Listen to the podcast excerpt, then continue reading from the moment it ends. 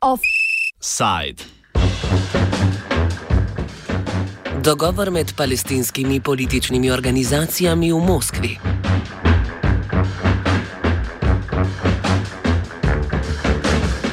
Pogovori med palestinskimi političnimi organizacijami so na pogajanjih v Moskvi rezultirali v sporazumu o sestavi skupne vlade.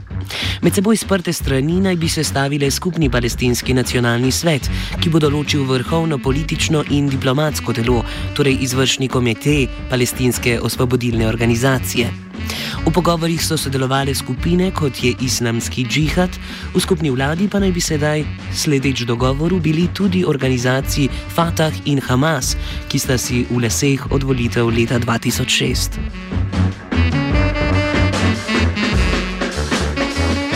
Potem, ko je leta 2006 Hamas zmagal na volitvah, je med dotičnima organizacijama sledil konflikt.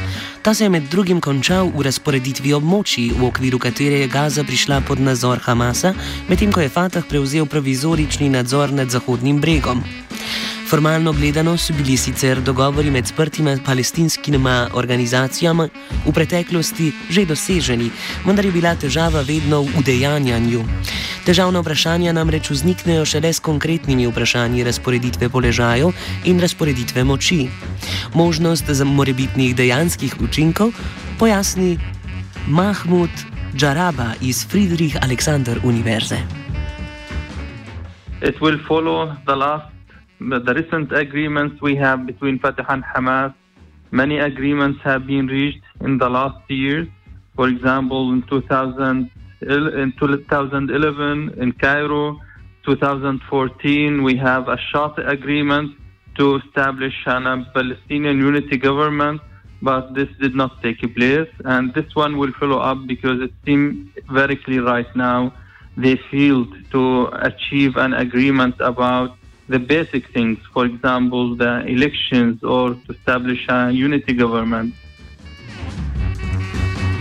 Če tudi na ravni vsebine v dogovoru ni bistvenih novosti, pa je novost, da so se pogovori odvili v Moskvi.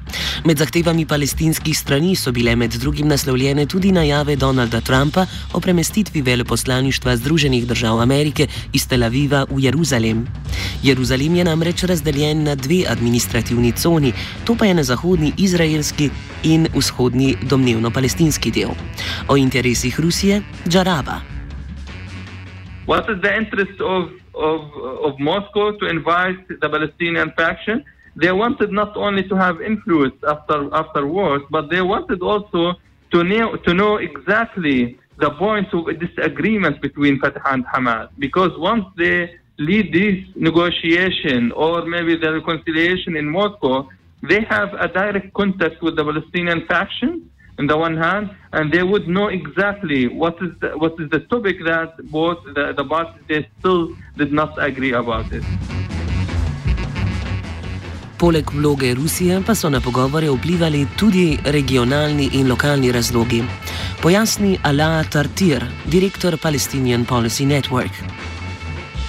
The announcements that they came out of that, they came about um, uh, as a reflection to a number of local, regional, and global um, developments.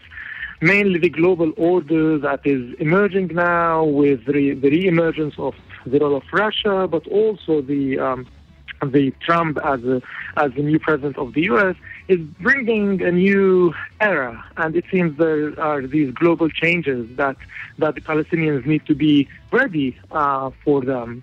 Uh, regionally, there are a number of regional pressures, uh, the positions of uh, of Hamas, and uh, the position of, of Qatar and the um, and the changes that are, are taking place are pushing both actors, Fatah and Hamas, to to do more um, to do more actions. But more concretely, uh, are actually the changes that are taking place at the local level, uh, especially in Gaza, where the electricity crisis uh, resulted in protests in the streets of Gaza, and that was very frightening for Hamas and shocked Hamas, and therefore, and therefore they noticed that there is a very fragile situation that could explode uh, anytime, and therefore they felt that they need to um, to act.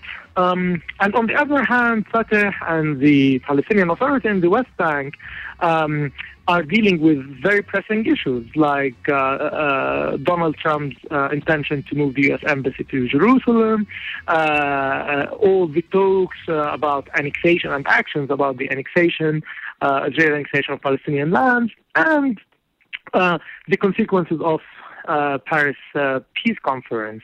So you have number of um, regional, global, and local dynamics that pushed these uh, two actors to come together and continue the conversation.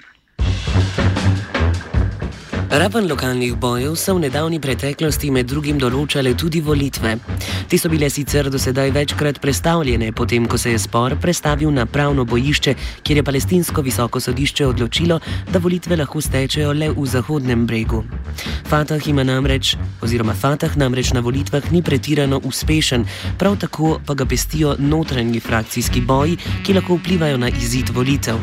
Današnji offside zaključi Džaraba.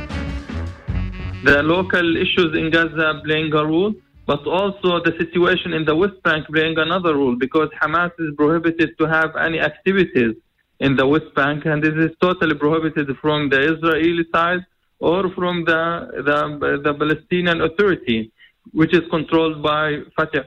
Fatah movement. Therefore, Hamas is really in, in a difficult situation and is always seeking this kind of reconciliation.